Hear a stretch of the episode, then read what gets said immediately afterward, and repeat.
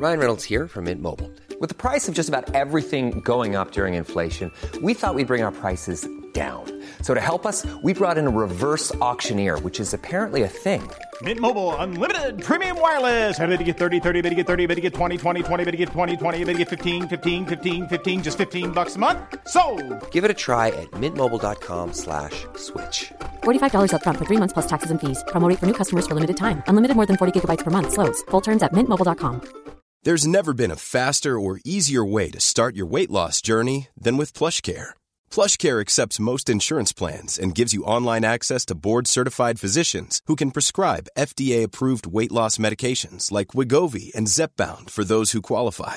Take charge of your health and speak with a board-certified physician about a weight loss plan that's right for you. Get started today at plushcare.com slash weight loss. That's plushcare.com slash weight loss. plushcare.com slash weight loss. Quality sleep is essential. That's why the Sleep Number Smart Bed is designed for your ever evolving sleep needs. Need a bed that's firmer or softer on either side? Helps you sleep at a comfortable temperature? Sleep Number Smart Beds let you individualize your comfort so you sleep better together. JD Power ranks Sleep Number number 1 in customer satisfaction with mattresses purchased in-store. And now, save 50% on the Sleep Number limited edition Smart Bed for a limited time. For JD Power 2023 award information, visit jdpower.com/awards. Only at a Sleep Number store or sleepnumber.com. Ann, vet vad som nalkas snart? Sommarsol. Och min berömda midsommarfest. Det är din älsklingstradition. Och vad passar då inte bättre än att vi denna vecka sponsras av Rusta? Jag drog iväg till Rusta och gjorde, du vet, den här episka inköpskavalkaden. Alltså de har så mycket bord, stolar. Dynlådor. Och det roligaste av allt. Ja, Jag vet. lampor, mattor. allt Skatglittret. där. Gud vad man älskar det. För jag måste säga så här. Det spelar ingen roll hur fina möbler du har. Om du inte har lullullet, Mm. de fina ljusslingorna, ljusen, lyktorna, blommorna. Kuddarna, Nej, mattorna. precis. de det måste utemattor. spegla Ja. livet, det underbara livet. Hörni, gör som vi. Gå in på Rusta och botanisera bland alla deras helt fantastiska utemöbler och allt sortiment av det vi väljer att kalla skatklitter för din sommarfest. Tack Rusta för att ni sponsrar Inte din morsa. Tack, vi är så glada.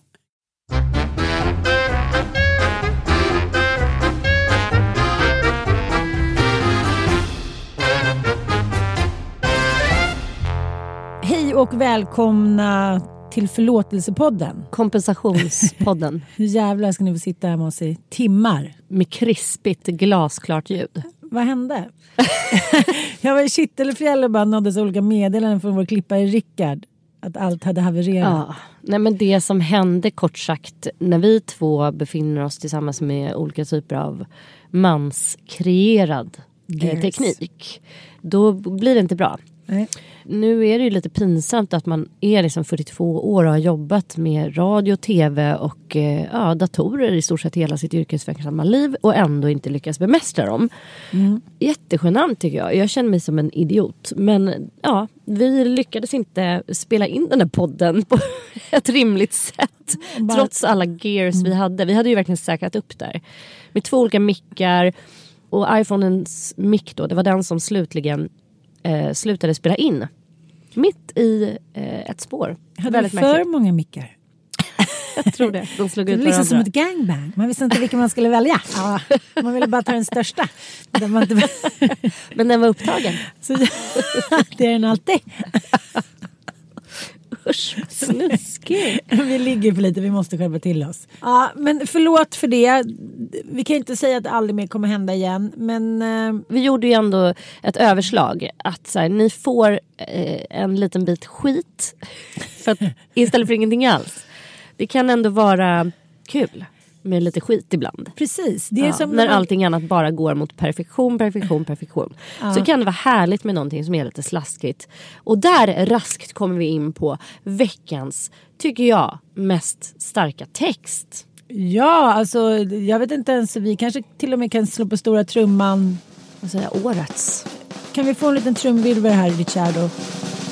Ja, jag tycker nog att det kanske var en av årets viktigaste texter i all sin liksom, enkelhet. Jag tycker också att hon följde upp. Vi pratar alltså naturligtvis om Hanna Hellquists briljanta eh, krönika i DN.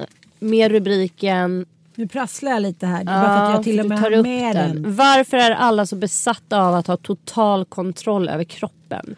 Hon har skrivit som en essä kan man säga där hon följer upp. Hon är inte numera veckokrönikör i DN utan hon går ju in och skriver de här små utsökta guldkornen som poppar upp då och då. Sist så skrev, kom hon ju ut som alkoholist och det vann hon ju också Stora journalistpriset för. Ja. Eh, och här följer hon upp med en text Inte som... för att hon kom ut som alkoholist utan för Nej. att hon hade skrivit en liten... eh, Ja, men hon hade ju verkligen pinpointat hon liksom skrivit ett, texter och Ja hon fick ju för lång och trogen tjänst Ja. antar jag. Men eh, Jag eh, måste bara snabbt inflika att eh, det känns som att när, när barnen blir liksom 13 när de kommer in i tonårsstadiet då blir det liksom en blandning man vet inte riktigt vad man har dem. Jag försökte liksom få min 13-åring att duscha i morse med enahanda hot, eh, mutor, eh, nej men, och med språket, liksom, är de barn eller de vuxna? Jag såg eh, Igor, är Igor med Micke i London eller? Ja, Igor, Sannas eh, 13-årige son, är tydligen i London och ja, men du vet, de lägger ut selfies precis som vi gör. Och det är liksom de kommentarerna från brudarna så här, you're looking good bro, eh, psych, eh, hooden, liksom, ja, men, orten, du vet de är så här de, de har ett såna- eget liv. de har ett eget, språk. De har ett, ett eget ordspråk som jag så här, inte ens är i närheten av och som jag älskar och är superavis på. Jag Mm. vill också vara 13 och kunna skämta ironiskt utan att bli sårad. Och, för det är någonting som jag tycker händer med åldern lite, att, att sarkasmer faller ganska tungt. lite som så här stora glas, liksom, ska jag säga, porslinsstoder, att folk liksom man kan inte skämta på samma sätt, kanske för att man är närmare döden, jag vet inte. Ja, eller att vi alla liksom har mindre och mindre chans att eh, förbättra oss tror jag.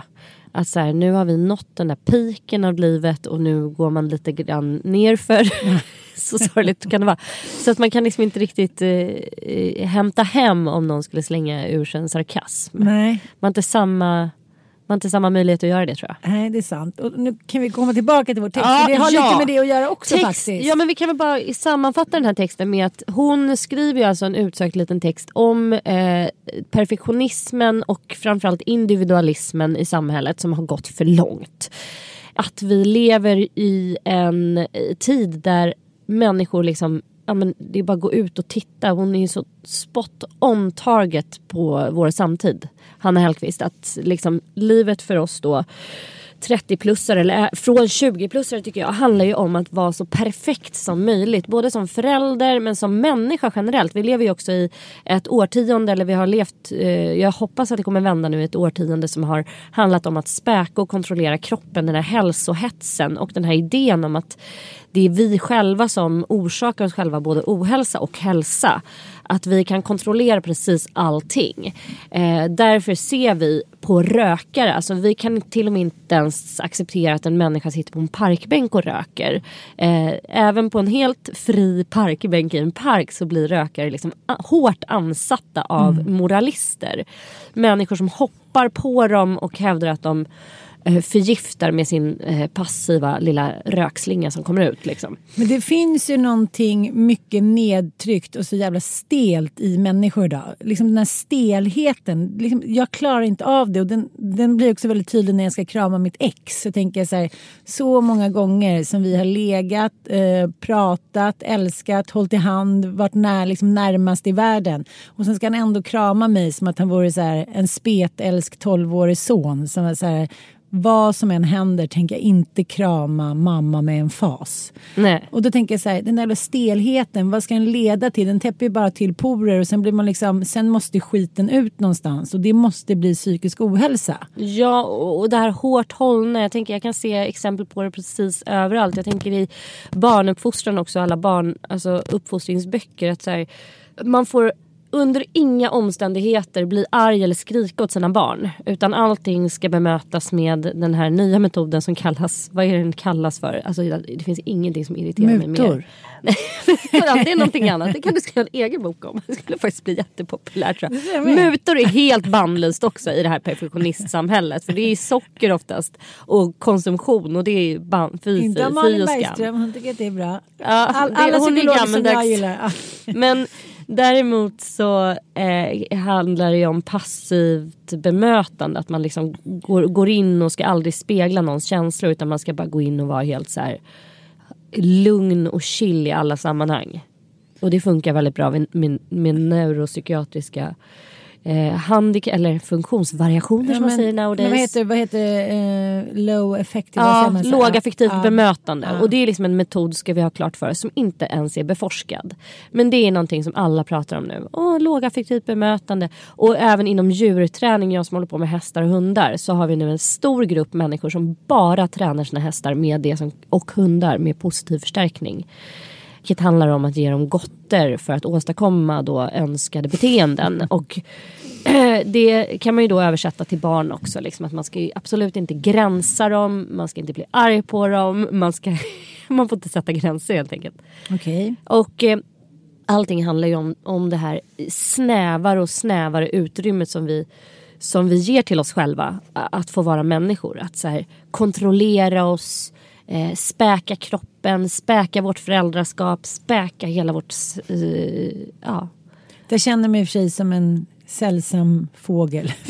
Ja, men där är vi också äldre. Jo, det är och sant. har det är liksom sant. levt flera decennier och kunnat se att det här kommer ju och går.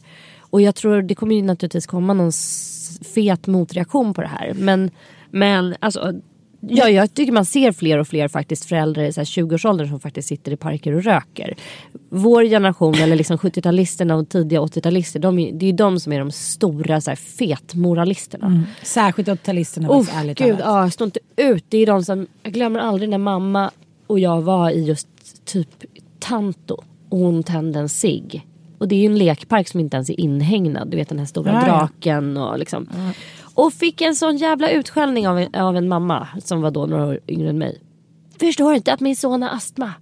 Hur kan du sitta här och röka på en parkbänk mitt bland barn?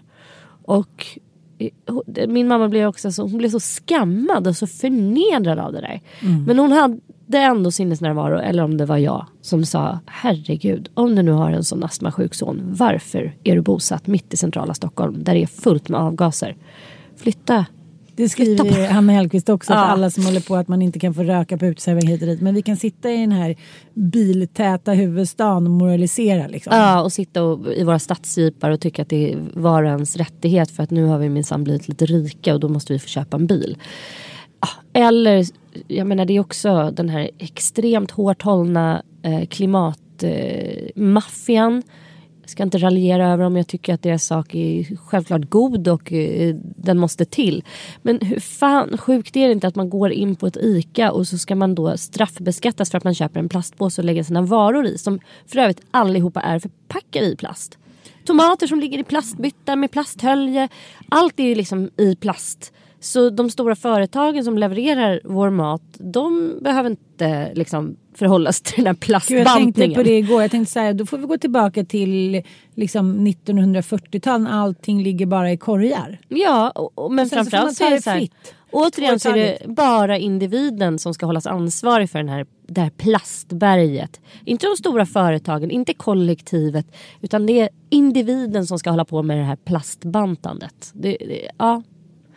Läs den här krönikan. Jag tänkte att jag skulle bara eh, läsa lite som också pinpointar det väldigt, väldigt tydliga klassföraktet som jag tycker har blivit liksom eh, skenande. Bara, jag tror kanske att det handlar om att det är så jävla många människor som har det så gott ställt. Att det är så få människor som äger så mycket av stålarna. Och det gäller ju även i Stockholm. Liksom.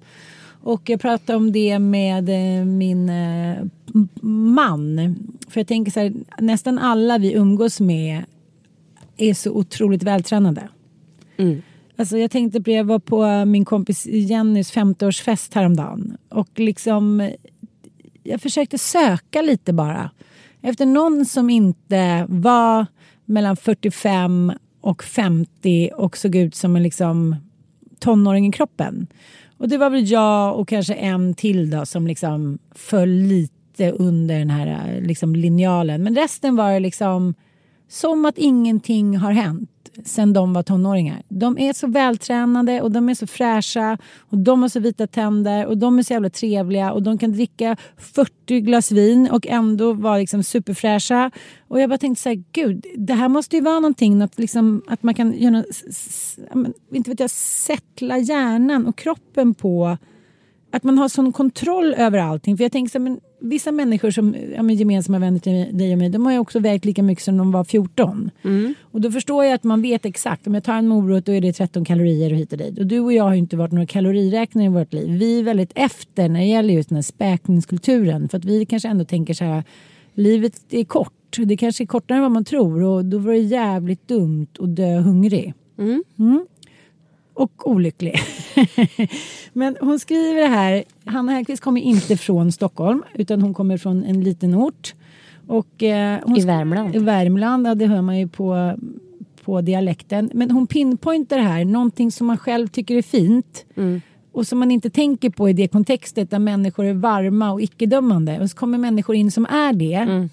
Och hur skammen blir så påtaglig och hur tydligt det blir hur äckligt allting är som man inte har tänkt på äckligt. Är som man bara har omfamnat. Det hände att jag någon gång hade med mig en kompis dit. Alltså det här och fru Nilsson som var hennes fr- pappas bästa vänner.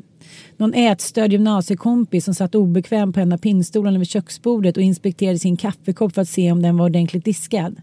Visst minns man ni de där duktiga vännerna som man speglade sig i när man var yngre som rynkade på näsan när man bredde på för mycket smör på mackan. Jag gillar inte smör, jag har bara ett tunt lager för att ostskivan ska ligga still. Ändå bra idé.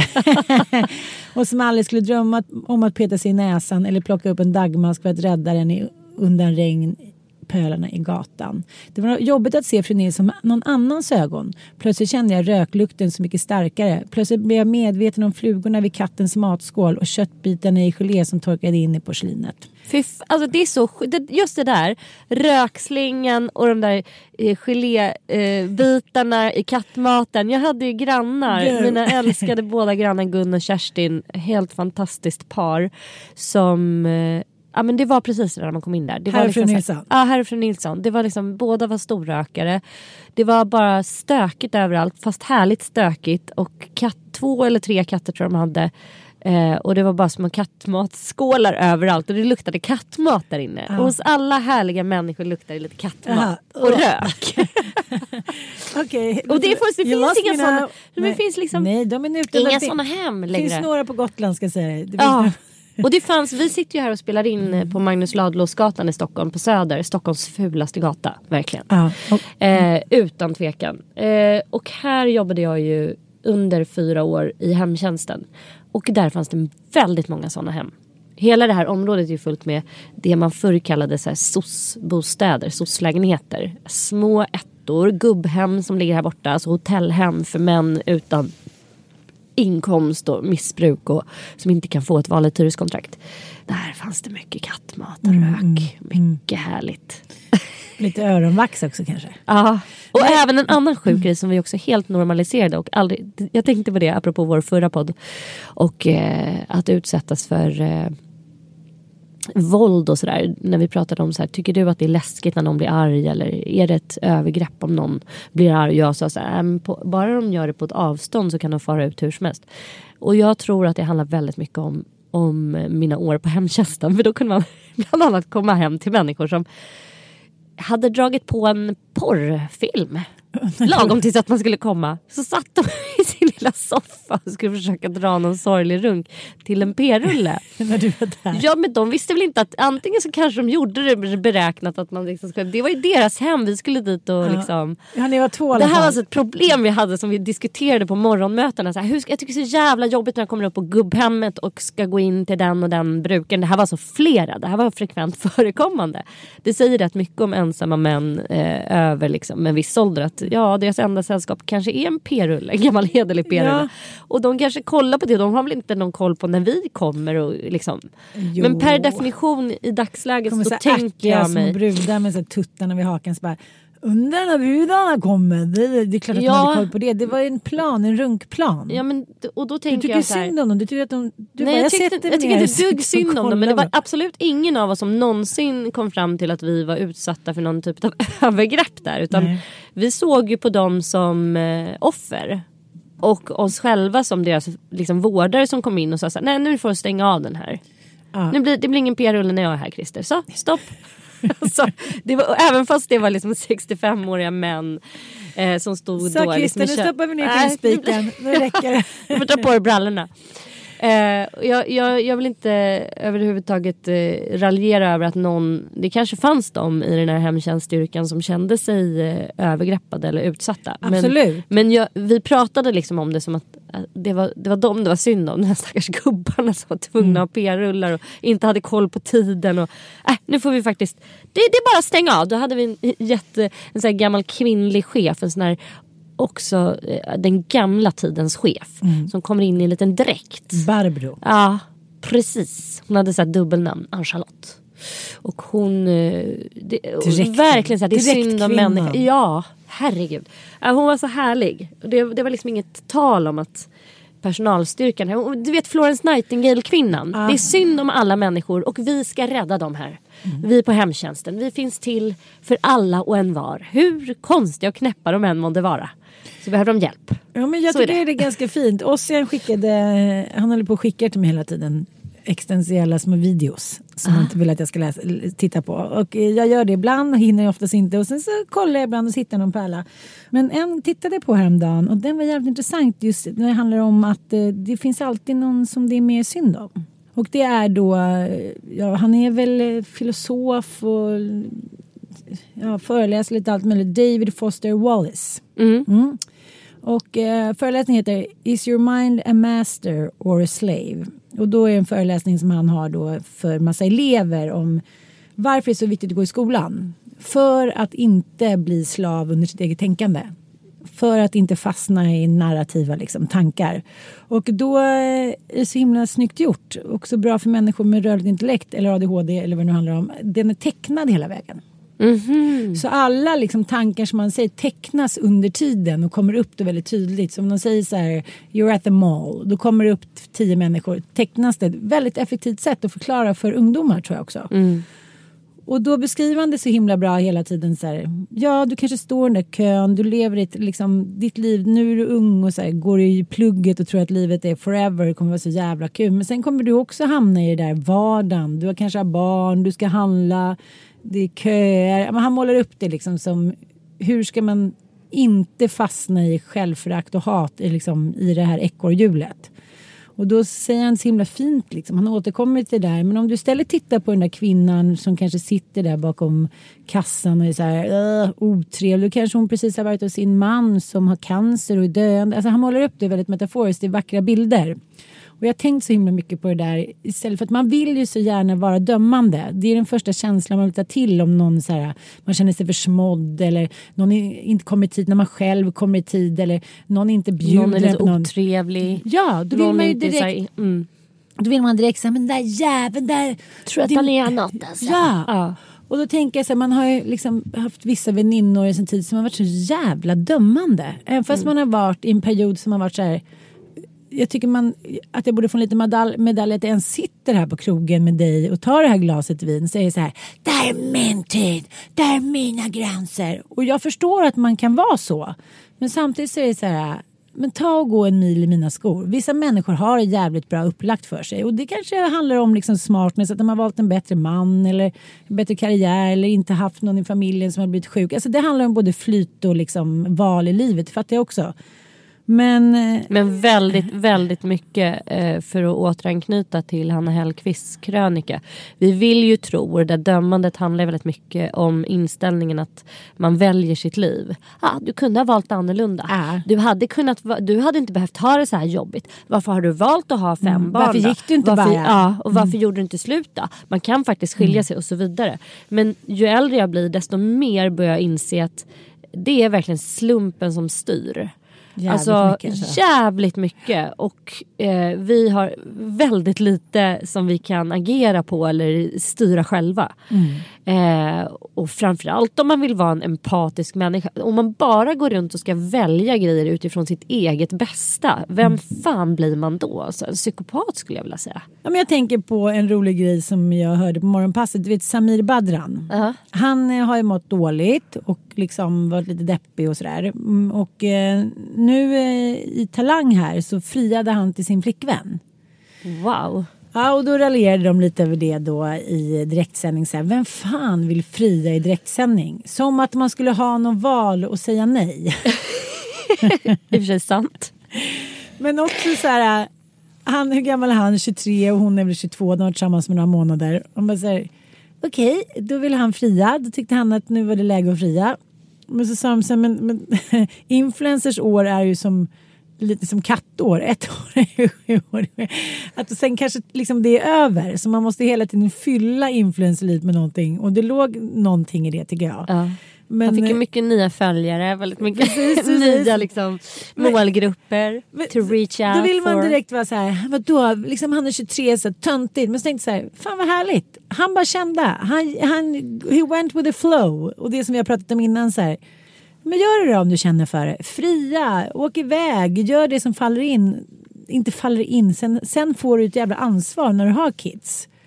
Och det tänker jag också idag när jag läser den, den här dirigenten, jag ska inte säga det med förakt, men, men jag är nu jävligt trött på såna här rubriker. Förlåt att det prasslar här nu, men jag måste bara, jag blev upprörd. Ja, men alla människor som hela tiden ska säga att man ska följa sin inre röst och man ska inte bry sig och man ska göra precis som man vill. Ja, nu är det då, vad heter han här nu? Fredrik Österling, tonsättaren och konserthuschefen eh, som inte är rädd för att sticka ut hakan då. Ja, eh, och då är han eh, konserthuschef i Helsingborg och har skrivit då en, eh, en liten miniopera om Svenska Akademins kris. Det tycker jag är skitkul, det är Ja. ingenting med det. Det, men rubriken är då som han återkommer till. Det är viktigare att göra det man tror på än, än att anpassa sig. Och då känner jag lite också tillbaka till slumpen. Okej, om allting går som en räkmacka och man har så här, precis som du säger, man lever något medelklassliv eller liksom har massa stålar. Ja, men då kan man göra ett fuck off-finger åt allting. Åt de som klankar på en, åt de som tycker... Men man kan inte det i det vanliga livet. Man måste rätta in sig i ledet nio dagar av tio. Sen kan man göra en liten utflykt på några timmar. Men, men eh, bara- man kan inte intala unga människor att man kan göra vad fan man vill och ändå liksom leva ett liv som är, vad måste jag säga, moraliskt. Jag fattar vad du menar och det, eh, jag kan tänka mig att vi svenskar är ju lite bortskämda eftersom det faktiskt har gått att göra en klassresa här. Eh, det landet eh, där den här individualisttanken har som starkast fäste och kanske sitt ursprung det är ju i USA förstås. Liksom the self-made man och liksom att man kan skapa sig själv sitt drömliv bara man hugger i tillräckligt hårt. Men de har ju gjort studier, stora studier på eh, hur lätt eller alltså, är det ens möjligt att göra en klassresa i USA. Och det är i stort sett omöjligt Ah. i just USA. Därför att de har ju ett system där de inte har gratis skola, de har inte gra- gratis sjukvård, de har inte gratis, alltså de har inga sociala skyddsnät whatsoever. Medan i Sverige så är det ju görbart. Här har ju i stort sett 60% av befolkningen lyckats göra den här klassresan från att ha, eh, kom, komma från liksom obildad eh, arbetarklass till eh, att bli övre medelklass. Och det är det vi ser här. Liksom, att så här och därför så går vi ju runt med den tron att så här, men alla kan. Problemet är att vi har ju inte det här skyddsnätet längre. Vi har ju nedmonterat det i väldigt hög mån och vi har ju det år, år efter år. Apropå på coronaviruset också. Att så här, ja, vi har haft spanska sjukan. Vi har ju haft några här riktigt stora influenser. och Det var en ep- epidemiolog som uttalade sig om eh, vad som faktiskt kan hända med vårt samhälle. Och eh, om, om det här blir en stor eh, pandemi liksom, i Sverige som breder ut sig. Och han menar ju att så här, men gud, vi har ju liksom en nedbantad sjukvård. Vi har ju inte ens hälften av lika många sjukvårdsplatser som vi hade på 60-talet när det, när det kom en influensa som hette Shanghai-sjukan eller något sånt där. Ja. Då hade vi liksom en vårdsituation. De hade ju fältsjukhus som de kunde slå upp. Det finns inte längre. Vi har ju alltså bantat ner det extremt mycket. Det är klart att vi är bättre på att diagnostisera idag. Eh, och det är mer effektivt på vissa sätt. Men eh, det här är ju liksom vårdplatser som krävs för de som blir sjuka i coronaviruset och isolation och sånt. Och det existerar liksom inte idag. Så han, han såg väldigt mörkt på det. Men i USA så om det, om det kommer dit så kommer ju liksom halva befolkningen att dö. Ja, ja, ja absolut. Ja. de är sjukförsäkringar och vem ska liksom inrätta eh, dem i olika tält och folk som då har andra sjukdomar och försvagat immunförsvar som inte medicineras eh, för det för att de helt enkelt inte har råd. Ja, så att eh, absolut. Vi i Sverige vi lever med eh, den här individualisttanken att vi kan förflytta oss klassmässigt och det har vi ju kunnat men jag tror att det är lite slut på det nu, alltså framåt i tiden. Mm. Men, men, det är just med det klassföraktet att när, när, man ser när man ser med någon annans ögon så blir det så himla tydligt och det återkommer man ju ofta till både liksom i litteratur och i film och alla sorts liksom, vittnesberättelser. Hur man har varit stolt över någonting och så kommer någon från en annan klass och ser ner på det. Ja. Istället för att bejaka det. Och vi har precis varit i Kittelfjäll eh, en vecka. Eh, så jävla mysigt ställe måste jag säga. Snacka om the mountains i Sverige. Jag bara, men gud, jag har kommit till Alperna. Så jag behöver aldrig åka till Alperna. Världens bästa klimat, eh, klimatreklam. jag behöver inte åka någonstans. Kittelfjäll, det går också att åka med tåg, eller hur? Precis, upp till Vilhelmina. Så att, eh, och så var det en sån här vecka vecka du vet, av sol och skoterturer. Kanske inte så miljövänligt. Eh, men, ja, men du vet, allting var bara lite som en dröm. Min kompis föräldrar, de har haft, de har liksom som två små hus där i Grönfjäll.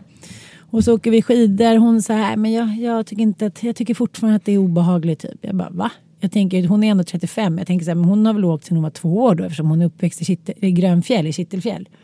Hon bara, nej, mina föräldrar eh, åkte aldrig skidor med oss. Jag bara, va? Vad menar du typ? För jag har ju åkt sedan jag var fyra. Jag är ju, ja, men jag är uppvuxen som du säger i en medelklass. Men det var ju så här, man ska lära sig åka skidor och det var så härligt hit och dit. Hon bara, nej men vi var här liksom hela tiden. Men nej, de åkte inte skidor själva. De tyckte det var jobbigt. Så vi hängde här lite i den här lilla stugan på 20 kvadrat typ och eh, åkte skoter. Och, och, när jag var 25 år träffade en kille som åkte skidor tänkte jag men nu måste jag åka skidor. Så började vi prata lite om hennes föräldrar som var då ja, men, arbetarklass i grunden. Flyttade till Stockholm. Eh, ja, men, jobbade på en firma, liksom skapade sig ett bra liv utan åthävor. Inte så att man ska imponera på någon eller att man ska bygga om för att någon annan tycker att det ska vara något nytt jävla vitt och fräscht. Utan det är som hon sa, min pappa tycker att han har skapat sig det bästa livet. Om han inte vill åka skidor med sina barn, då gör inte han det. Om han vill sitta hemma och liksom fisa och kolla på Sportnytt hela dagarna, då gör han det. Han tycker att han har världens bästa liv. Och jag måste säga att den tjejen, min kompis eh, Maria, hon har ett av de liksom bästa självförtroendena och självkänslorna jag eh, har stött på. För att hon håller inte på och analyserar skit. Utan hon är såhär, nej men då skapar väl jag mitt eget bästa liv utifrån vad jag har. Mycket... Inte för någon annans skull. Nej. Inte för att någon annan ska bli imponerad. Precis. Eller bekräfta är... henne för att hon har gjort rätt val. Nej, och vi började prata om att gå i terapi hit och dit. Och uh, hon var så här, nej jag vet inte. Uh, jag har aldrig gjort det och jag, kanske borde man göra det. Och då sa hennes snubbe så här, det stressar mig att hon inte har några issues, att hon inte har liksom några skelett. Och då börjar jag tänka på det när du och jag har liksom, ja, men, eh, researchat om kvinnor och liksom historien som vi båda älskar. Så blir det jävligt tydligt att det ändå är bönderna och arbetarna som på ett sätt har kommit lättast undan när det gäller den psykiska ohälsan. För det har inte funnits så jävla mycket tid att tänka. Man har gått upp, man har liksom fått mat för dagen. Sen har det varit lite högtider som har varit väldigt viktiga. Midsommar, jul, påsk, allt vad det var. Typ Maria bebådelsedag. Och då har man festat, slagit sig en sväng om. Man har ja, tydligen legat rätt mycket med varandra, kommit mycket ungar. Det har liksom inte varit så mycket omkring sig. Man har inte hunnit bry sig så mycket om vad andra tycker du vet, jag kommer ihåg min, e eller kommer ihåg, det är bara tre dagar sedan. Men att, Stort. Tack älskling. Att det var så här, vadå? Varför? Det är väl liksom föräldrarnas skyldighet typ att säga att, att, man ska lära sig åka skidor i dagens samhälle så man ska kunna vara med och åka till liksom, eh, Värpan, Härpan och Hittan och Vittan för 25 papp. Liksom. Nej, det är ingen så jävla skyldighet att kunna åka skidor när de är fyra fem år Även om det är härligt och en frihetskänsla. Nej, och barn ska inte behöva då bli mobbade eller liksom utfrysta för att de inte kan följa med till Verbier. Ja, men jag, var som, en- jag, liksom, jag ville fortsätta liksom, krampa kring det. Men vad, varför körde de inte bara till backen då? Men de ville inte, de kände inte för det, de orkade inte, de var lite slöa. Det var skönt att vara hemma liksom.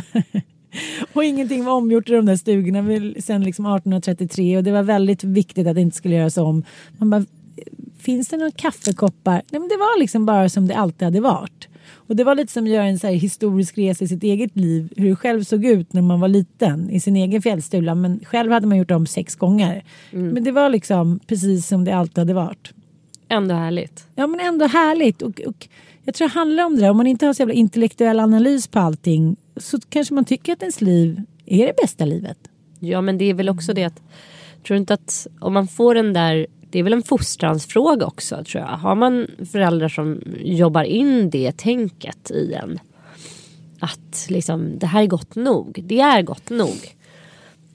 Och eh, försöker få barn att känna, alltså att kunna, klara av att stå emot hela för att liksom Hela kapitalismens grundidé bygger ju på att vi ska förbättra saker hela tiden. Så att vi ska köpa olika, både, både koncept men framförallt prylar. Att vi ska konsumera massa saker för att förbättra oss.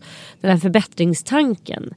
Eh, både när det gäller ens egna kropp, men kläder, hus, hem. Att vi ska hålla på och flytta. Jag tänkte på en grej också att så här, det är ganska sjukt eh, hur vi flyttar. Jag vet inte hur jag kommer att tänka på det men jag tror att det här, jag återkommer ju ofta till liksom platser för vårt liv och eh, framförallt min fädernes gård, alltså mammas mormors eh, gård uppe i Jämtland.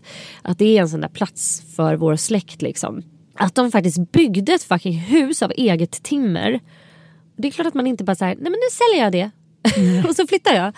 Vi lever ju också en konsumtionstänk kring vårt boende och att det är ganska det finns ju inga andra djurslag som håller på och flyttar in i varandras jävla bon. Nej. Eller någon typ av parasit kanske då. Men så här övertar. I alla fall eh, olika arter kan ju hoppa in i varandras bon. Men liksom inte så här. Du och jag, eh, vi svanar emellan. Vi byter bon nu. För att jag vill ha liksom ditt läge. Jag vill ha ett bättre läge där i vassen. Men vi håller ju på med Jag det bjuder hela tiden. hundratusen fiskar. så får jag ditt snygga bo som ligger på västkusten inte här uppe vid någon sunkig liten sjö. Men det håller ju vi på med. Alltså så att ta oss uppåt på något sätt i bostadskarriären. Medan min farmor och farfar de byggde sitt hus, ja, hur gamla var de när de var 30? De hade bott i någon liten etta här på Lundagatan på Söder och så, så fick de köpa en tomt. Så här, egna hems, socialdemokratins liksom, tanke att alla skulle ha råd att köpa en egen tomt och bygga sitt eget hus. Så det var ju snorbilligt förstås, eh, den här lilla tomtbiten. Och sen så byggde de ett sånt där eh, ja, byggsatshus liksom. Där bodde ju de hela livet. Mm. Det var ju inte tal om att de skulle flytta någonstans. Nej. Det var så här, vi har byggt vårt bo, här stannar vi tills vi dör. Och så var det ju för far, min mormor och morfar också. Eh, och nu lever vi i en tid tvärtom där det ska flyttas. Du känner igen det där? Den här podden är sponsrad av Mathem.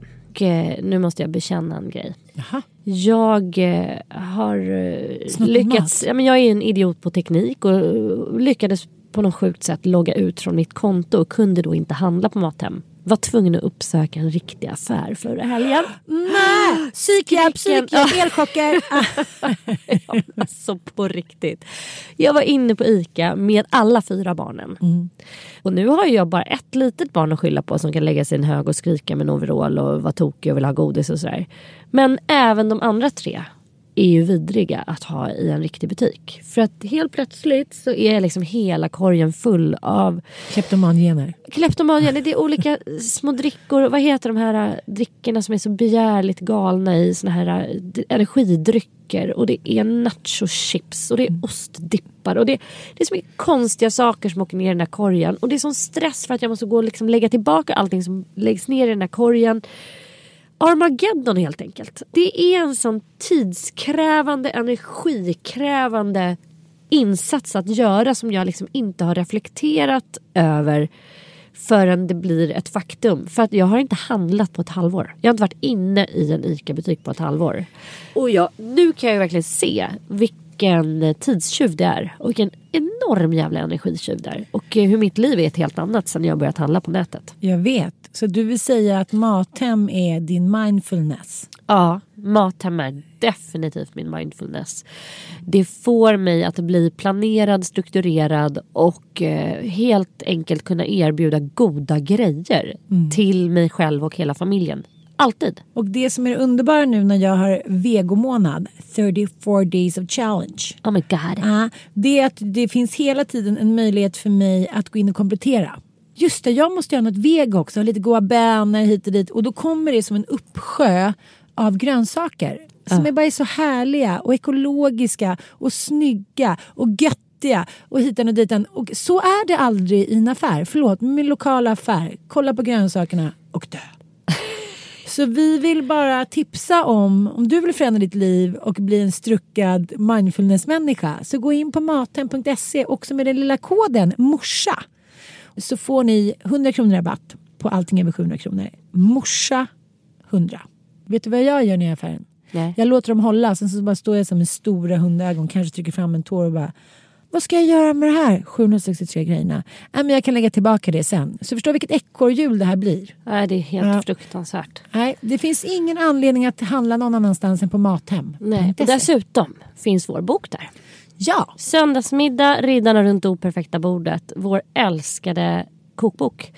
12 underbara söndagsmiddagar att inspireras av. Vi gör också en tidsresa här. Allt ifrån Fyra nyanser av brunt.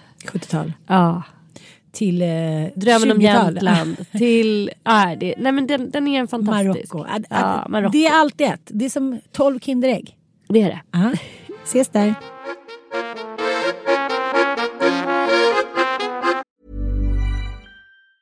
Many of us have those stubborn pounds that seem impossible to lose, no matter how good we eat or how hard we work out. My solution is PlushCare.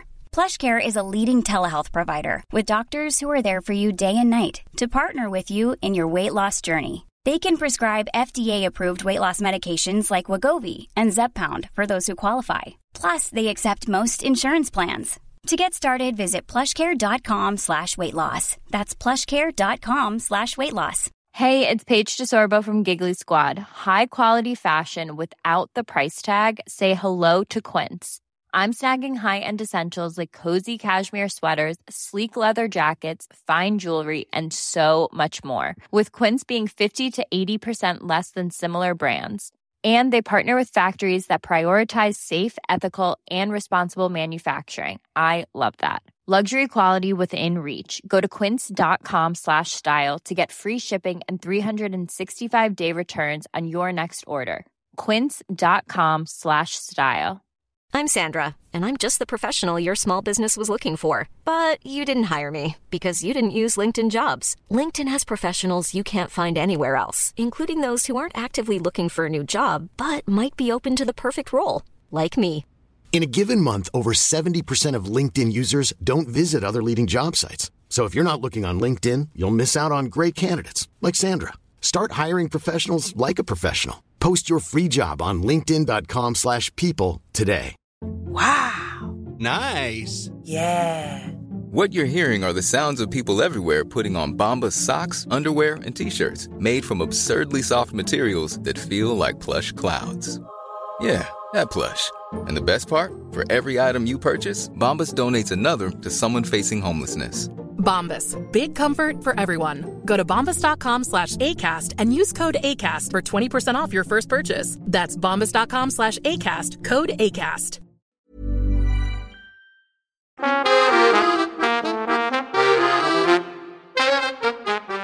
Jag var med i en lite inledningsprogram som bara, hur många gånger har du flyttat? Jag bara, eh, vågar inte säga. Jag bara, det är faktiskt 20 gånger. De bara, 20 gånger? Jag bara, men 48.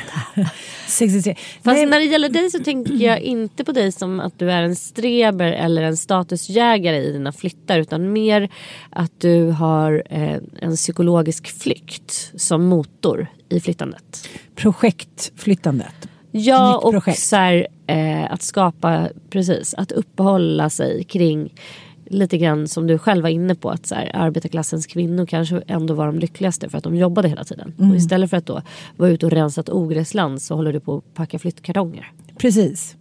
Eller föder barn liknande. Och det här är ju rakt nedstigande led från eh, min småländska del av familjen. Min, eh, min farmor och eh, Södermanlandsdelen av familjen var inte så här. De, eh, inte farmor i alla fall, farfar jobbade ihjäl sig. Men hon gjorde inte många, hon hade inte det där i sig att hon ville liksom utveckla eller på något sätt göra någonting aggressivt av sitt liv. Men det kan också göra med att hon eh, var, tänkte jag efteråt, att hon faktiskt var piga. Hon blev eh, adopterad, fick aldrig riktigt veta varför och hur och med vem, höll jag på att säga. Alltså, det är mycket som ligger bakom. Men det här i alla fall föraktet är att jag tycker jag ser så tydligt i min närhet att det finns ett sånt jävla förakt för kroppen. Om man liksom väger ett kilo för mycket. Då är man liksom, då är man inte betrodd att nå liksom den högsta kasten. Förstår du vad jag menar? Att det är så, jag tycker att de, de som liksom har allra bäst i, jag vill inte säga umgängeskretsen men det kan ju vara periferi umgängeskrets.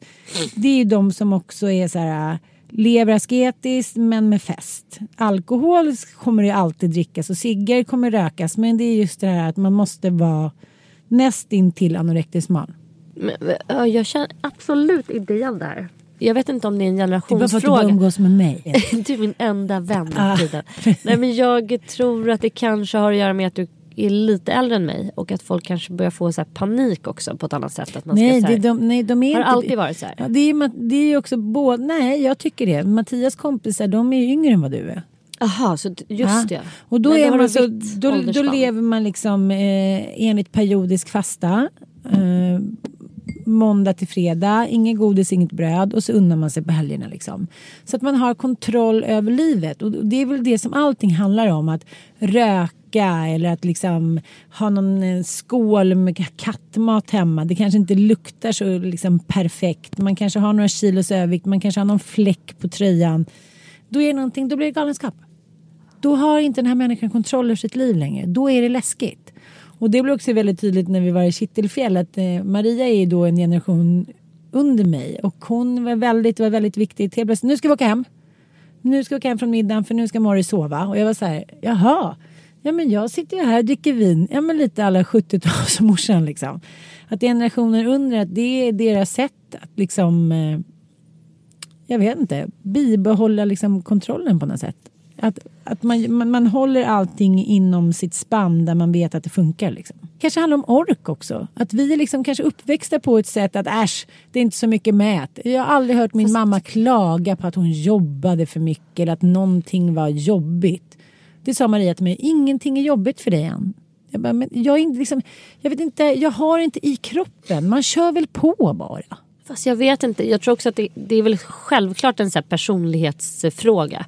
Eh, de inrutade eller de eh, Ja, utrutade. Och, Mm. för jag, menar, jag kan känna igen från min egen barndom att det fanns föräldrar där man kom hem och så var det ju ordning och reda och rutiner. Mm. Nej, då duschar vi en gång i veckan. Och så blåser vi håret med en eh, hårfön. Mm. Man får inte somna med blött hår. Och vi bara what? Vi badar varje dag precis när vi vill. Flera gånger om dagen om vi vill. Och Inte blött somna med hår. blött hår. Nej det fick hon inte göra. Och, för då kunde man få öroninflammation. Och så, så, så här, tvätta händerna och då skulle man så här, ställa sig på led. Alltså hon var som en liten officer den här mamman. Fast på ett kärleksfullt sätt. Men det var väldigt så här, inrutat. Och väldigt tydligt exakt när man skulle gå och lägga sig. Exakt, ja. Det måste vara väldigt skönt att vara barn, det märker var ju på- superskönt. Vi bara älskade ju det.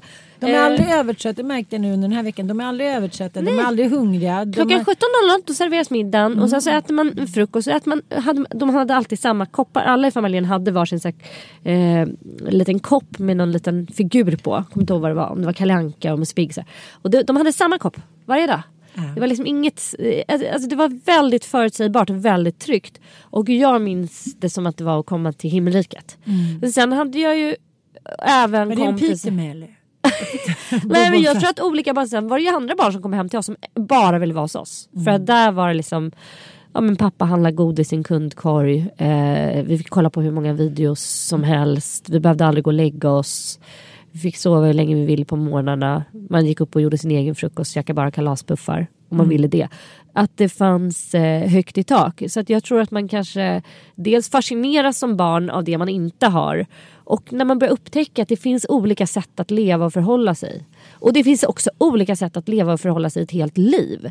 Alltså gud, jag har ju varit eh, helt rutinlös när jag hade Olga. Du pluggade på universitetet, jag behövde inte gå upp på morgnarna. Och jag kan ju säga, sen när jag började jobba eh, mer eh, ja, men så här, fasta tider, då helt plötsligt så var det ju asskönt att ha rutiner. Ja men alltså jo, gud, herregud jag kommer ihåg när, när killarna var små man hette tre fjärtan när man så här kom till dagis vid tio och bara tjena.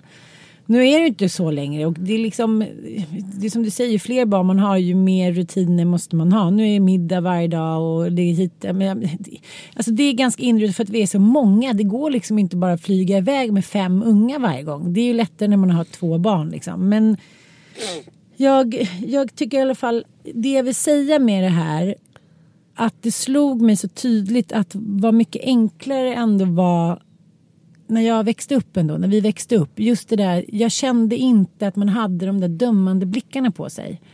Hur man levde, hur man såg ut. Alltså, jag har ingen tanke på att jag hade liksom, nu kanske jag är väldigt befriad från kroppskomplex och så, men jag, att jag ens tänkte på mig själv som ett kön.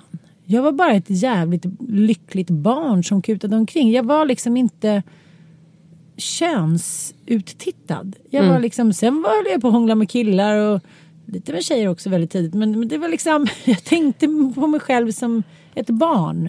Med massa, massa tusen möjligheter. Inte så här någon som skulle bli liksom någon som tittade på mig med en normkritisk blick. Jag kom, alltså jag, den första gången jag, som jag kommer ihåg att någon har tittat på mig med normkritisk blick det var på min mammas begravning, det har jag ju sagt. När vår förra granne sa så här, eller om det var, jag tror det var förra granne som var så här, ja vad, nu har du gått ner i vikt, vad fint. Så borde det alltid se ut. Det var liksom hennes take på den här, min värsta dag, dagen i mitt liv. Då ville hon ändå ge mig en liten komplimang. Så sjukt alltså.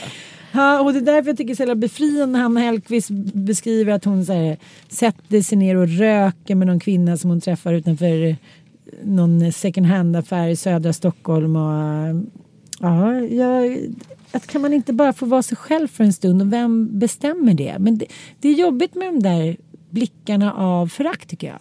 Men det handlar väl också väldigt mycket om att alla människor i individualismens tidsålder vill vara något special. Har du lyssnat på Della Q avsnittet där Lotta Lundgren är Ja, med? nu Ja. det. Det längsta avsnittet i svensk historia. Det är två timmar, ni som Ja. orkar lyssna. Men den är ändå lyssnings, Ja. alltså, värd. För att Ja. även om det kanske hade tjänat på att klippa lite. Men eh, det som ju, om man sammanfattar de här två timmarna så handlar det ju om att hon gör en typ av så psykologisk take på mat och på dieter och på kvinnors framförallt förhållningssätt till mat och att vi lever Eh, hon säger ju att liksom, måltiden är ju för människan ett sätt att komma samman. Att verkligen så här, bjuda in någon till sitt bord. Att dela bröd bokstavligen. Eh, alla Jesus sista måltid. Liksom. Man delar sitt bröd med de man älskar. Och eh, tonåringen gör ju då revolt för att eh, frigöra sig genom att då börja med specialkost av olika slag. Man börjar tycka att maten är äcklig, att mamma ser vidrig ut när hon äter. Man stör sig på att de tuggar med öppen mun eh, och sen så vill man bli vegan eller vegetarian eller ha någon annan typ av födopreferens. Man kanske går med i någon sekt eller dylikt och vill ha koshermat eller ja, börja fasta på olika sätt och vis så tackar man nej till det gemensamma brödet för att liksom bli sin egen.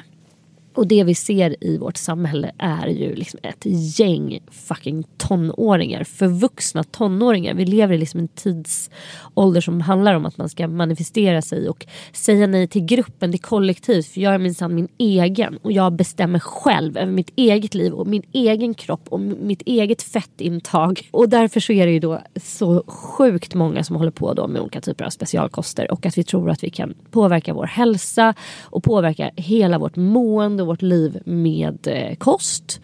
Eh, vilket ju är eh, bara ren bullshit därför att det finns hur många studier som helst. Vi har ju dessutom gjort eh, den fantastiska historien där den här typen av så diet dieter, det, var, det är liksom ingenting nytt. Att så här, du är vad du äter, probiotiska tarmfloror, skit och grejer. Det höll de på med på 1700-talet. Mm. Det var liksom, de hade ju inga mediciner då så det var liksom det enda de kunde ta till. Att äta eller dricka olika typer av konstiga grejer för att eventuellt bota då åkommor. Och ja, det funkar väl till en viss grad men extremt lite liksom. Det är ju bara så. Och så att, eh, eh, hela, hela, av- lyssna på det, det är faktiskt lyssningsbart. Och det, det anknyter ju också liksom till, till den här Hanna Hellquists krönikan såklart. Om eh, att det också är ett så här, det är ett klassperspektiv där som man glömmer att så här, man äter det man sätter på bordet så, så äter man upp och så går man därifrån och så Mm. äter man tre gånger om dagen och man ska vara glad och tacksam över det. Här kan vi hålla på övre medelklass, vita superprivilegierade människor. Bara, Nej jag vill inte ha det, nej det passar inte mig, oj min insida blir ful då, den blir skitig och äcklig och rutten. Resten av eh, världens befolkning vore liksom bara överlyckliga om de fick sätta tänderna i en liten smula som fanns på vår tallrik. Men jag blir också så här när jag läser såna här krönikor som jag tänkte, så här, nu, jag har tänkt så här i början på den här veckan, men nu försöker jag köra utan bröd den här veckan. Direkt när jag läser den här, då måste jag gå och köpa en macka. Käka en bulle, ja. ja. men för jag blir så här, vad fan, tänk om allting det som har varit vår guldkant på tillvaron bokstavligen innan vi hamnade i den här världen där man har liksom rätt och möjlighet att konsumera. När så här, en bulle på riktigt kunde vara årets underbaraste händelse. Man väntade liksom i ett år på att få fira jul och få äta sig mätt. Eh, alla de här arven, så här, fikat, vad då ska det dö ut då? Eh, liksom långsittningarna med efterrätt. Så här, ska man skämmas när man tar in en efterrätt? Förstår du? Och jag tänkte på det igår när jag var på, eh, på Radio Riks så träffade jag Peter Borossi. Den gamla radioräven. Som hade blivit jättesmal. Och jag tänkte gud nu har han blivit sjuk och så här men jag vill inte säga någonting. Och så kollade jag på hans lilla matlåda som var fem små vegetariska köttbullar, en liten tomat och massa ketchup. Hur vi ändå så här, okej, och han berättade länge då han hade levt vegetariskt och han hade så mycket bättre. Han längtade inte efter kött och hit och dit. Och så, och så vill jag säga så här, men varför har du ett kilo socker Vad gör- på dig? vad gör ketchup Ja, den där? och då tänkte jag, jag längtar inte efter kött. Och då tänkte jag så här, för fan, jag längtar alltid efter kött. En fet köttbit eller köttfärs och spagetti, nachos. Alltså det kommer aldrig försvinna ur mig. Sen måste man ändå ta sitt ansvar för klimatet. Men så här, låtsas som att man inte skulle så här, äta pizza. Fast och bara- måste man det? Det är också det här klimatet, återigen att det ska så här, läggas på individen. Att, Jag här, tänkte bara så att det var så ointressant att sitta och lyssna på honom om det här. Och så kände jag så här, gud nu har jag blivit så pass påverkad av det här att det ska vara så som det ska vara. Att jag så här, varför sa jag inte bara så här, för fan det där ser så jävla tråkigt ut så att jag skulle liksom inte äta om jag så fick 70 000 spänn. Istället skulle jag spela med och ge honom rätt. Ja, igår när vi åkte hem från Kittelfjäll då tog jag också vegetariska köttbullar och hit och dit. Som att så här, jag gjorde någonting för världsfreden om jag tar de där tre jätteäckliga köttbullarna på rasta. och så tänker jag på min kompis som så här, begravdes för två veckor sedan, 47 år gammal efter en lång tids sjukdom. Så tänkte jag så här, undrar om hon satt där i sjukhussängen, eller min mamma och tänkte så här, fan att jag, jag borde ha käkat lite mer vegetariska köttbullar. Jag tror inte det. Jag tror inte jag heller. Nej. Och jag, jag tror inte heller att vi ska hamna i någon köns liksom, pajkastning. För jag tänker mycket som kvinnan faktiskt har späkt sig genom århundradena. Har vi gjort av egen jävla vilja. Det har inte varit männens fel. Jag tänker på liksom allt från korsetten till eh, höga klackarna. Så ja, det är inte bara männen som har tvingat i oss det här. Vi har även haft korsetten för att vi tyckte att det var snyggt och för att man fick en snygg silhuett. Varför skulle eh, liksom, korsetten annars komma tillbaka med Kim Kardashian och, och alla från liksom Madonna? Vi har också alltid velat vara snygga precis som männen alltid har velat ha störst kuk. Alltså, ja, både bokstavligen och metaforiskt. Liksom. Att, här, det är ett evigt jämförande. Man försöker liksom gå in och gå ut i den där bubblan och förhålla sig sane på något sätt. Och eh, ett, en stor grej för mig som jag, jag känner mig så här, jag bara I am the master of of wisdom. När jag sa till Olga horse här, The horse whispers as well but a master of wisdom also for kids. För att jag brukar säga till mina barn så här, nej men gud, eh, det absolut mest puckade man kan göra det är att välja en stilmässig förebild som ligger väldigt långt ifrån ens eget utseende. Mm. Som att jag skulle ha liksom en så här, tre meter lång eh, typ Naomi Campbell som stilförebild. Det är väldigt omöjligt att åstadkomma hennes look för mig. Eftersom jag ett, inte är två meter lång, två, väger ungefär dubbelt så mycket och inte är svart. Det är jättekorkat.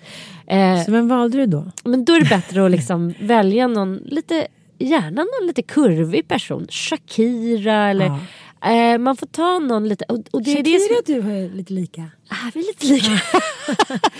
eh, det finns också, alltså nu finns det ju ändå liksom extrem vidd på stilmässiga förebilder. Ja. Du har liksom Kim Kardashian-looken var ju helt, fanns ju inte på vår tid.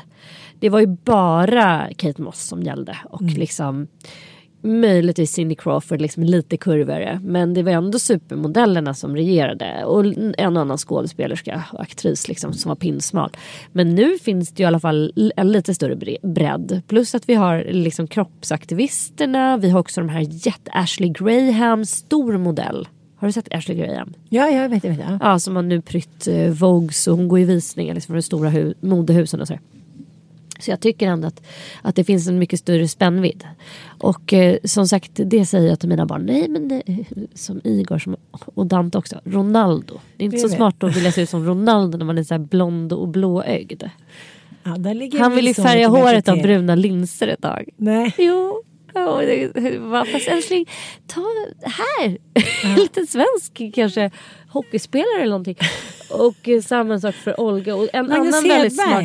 Ja, men jag tycker det är mycket bättre om man är tonåren och inte har så mycket pengar. Då är det väl inte jättebra heller att ha så här, Kim Kardashian eller någon så här, som håller på och bara flexar Gucci och Fendi väskor och grejer. Utan då är det bättre att ha den här, vad heter hon? Billie Eilish eller någon sån här lite indie-poppare som går runt med eh, olika typer av sopsäckar på sig och färgar håret för två kronor och en fimp. Och, alltså, ah, lite så. Och det, det måste jag säga att mina barn de har uppskattat när jag har vidgat liksom. Vi, Det är Ja. bättre, smartare. Men det är bra för jag pratade ju med eh, Cissi Blankes om det där på Mammagalan. Mm. Och då sa hon, ja ah, men då började prata lite om mina stilförebilder. Och, men lite så här att jag gillade den stilen som var på 80-talet, Madonna. Du är ju väldigt mycket Goldie Hawn för Ja. mig. En sån här blond 80-talspingla. Så här härlig, en glad eh, Goldie Hawn. Du är det för mig. Ja, men då sa hon i alla fall att, att hennes stilförebild var någon blandning av hon i våra värsta år, eh, Peg Bundy. Man går upp, sätter på sig något som verkar lite skönt. Det kan vara en liten raffset, det kan vara något annat. Men i slutändan så ser det ändå piffigt ut. Ja. Och det tänker jag att min mamma var så jävla bra på. Hon var ju liksom halvsnål småländska. Hon var absolut inte snål, men hon var ekonomisk.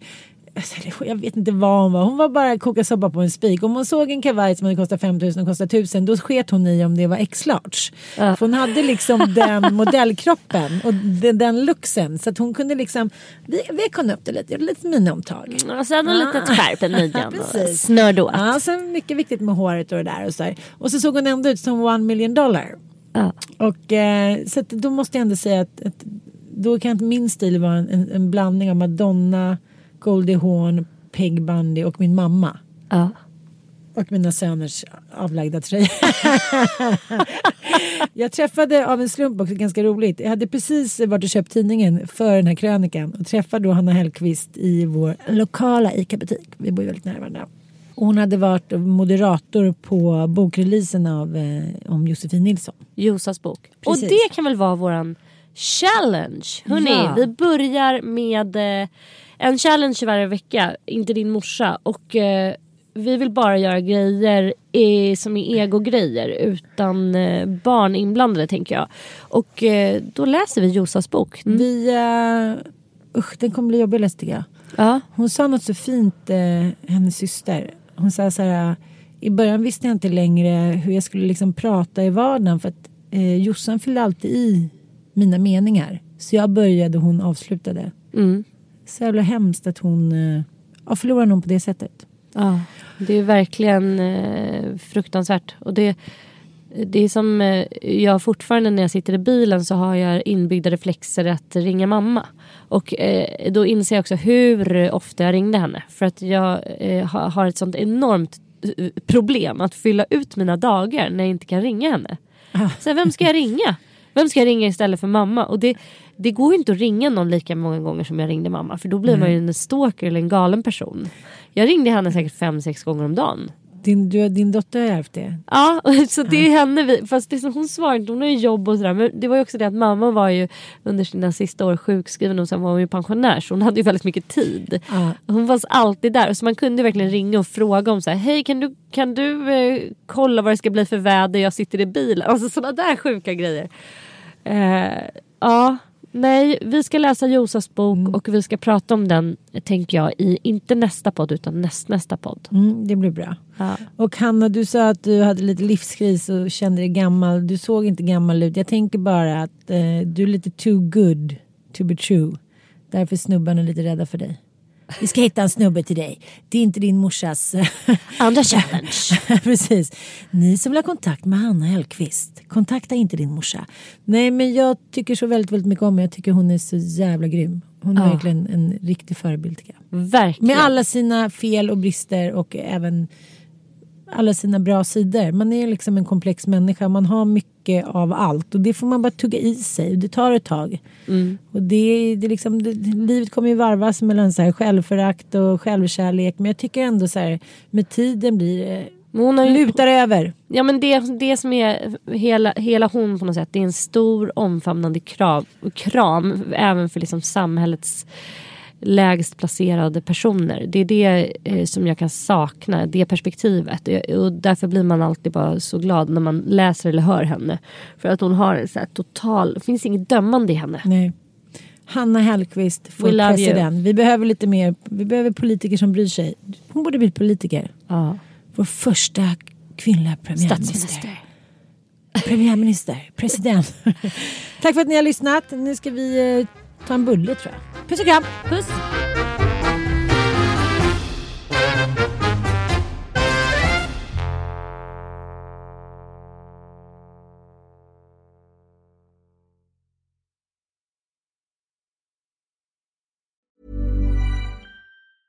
Planning for your next trip? Elevate your travel style with Quince. Quince has all the jet setting essentials you'll want for your next getaway, like European linen, premium luggage options, buttery soft Italian leather bags, and so much more. And is all priced at 50 to 80% less than similar brands. Plus, Quince only works with factories that use safe and ethical manufacturing practices. Pack your bags with high-quality essentials you'll be wearing for vacations to come with Quince. Go to quince.com slash pack for free shipping and 365-day returns. Imagine the softest sheets you've ever felt. Now imagine them getting even softer over time. That's what you'll feel with Bowl and Branch's organic cotton sheets. In a recent customer survey, 96% replied that Bowl and Branch sheets get softer with every wash. Start getting your best night's sleep in these sheets that get softer and softer for years to come. Try their sheets with a 30-night guarantee. Plus, get 15% off your first order at bowlandbranch.com. Code BUTTERY. Exclusions apply. See site for details.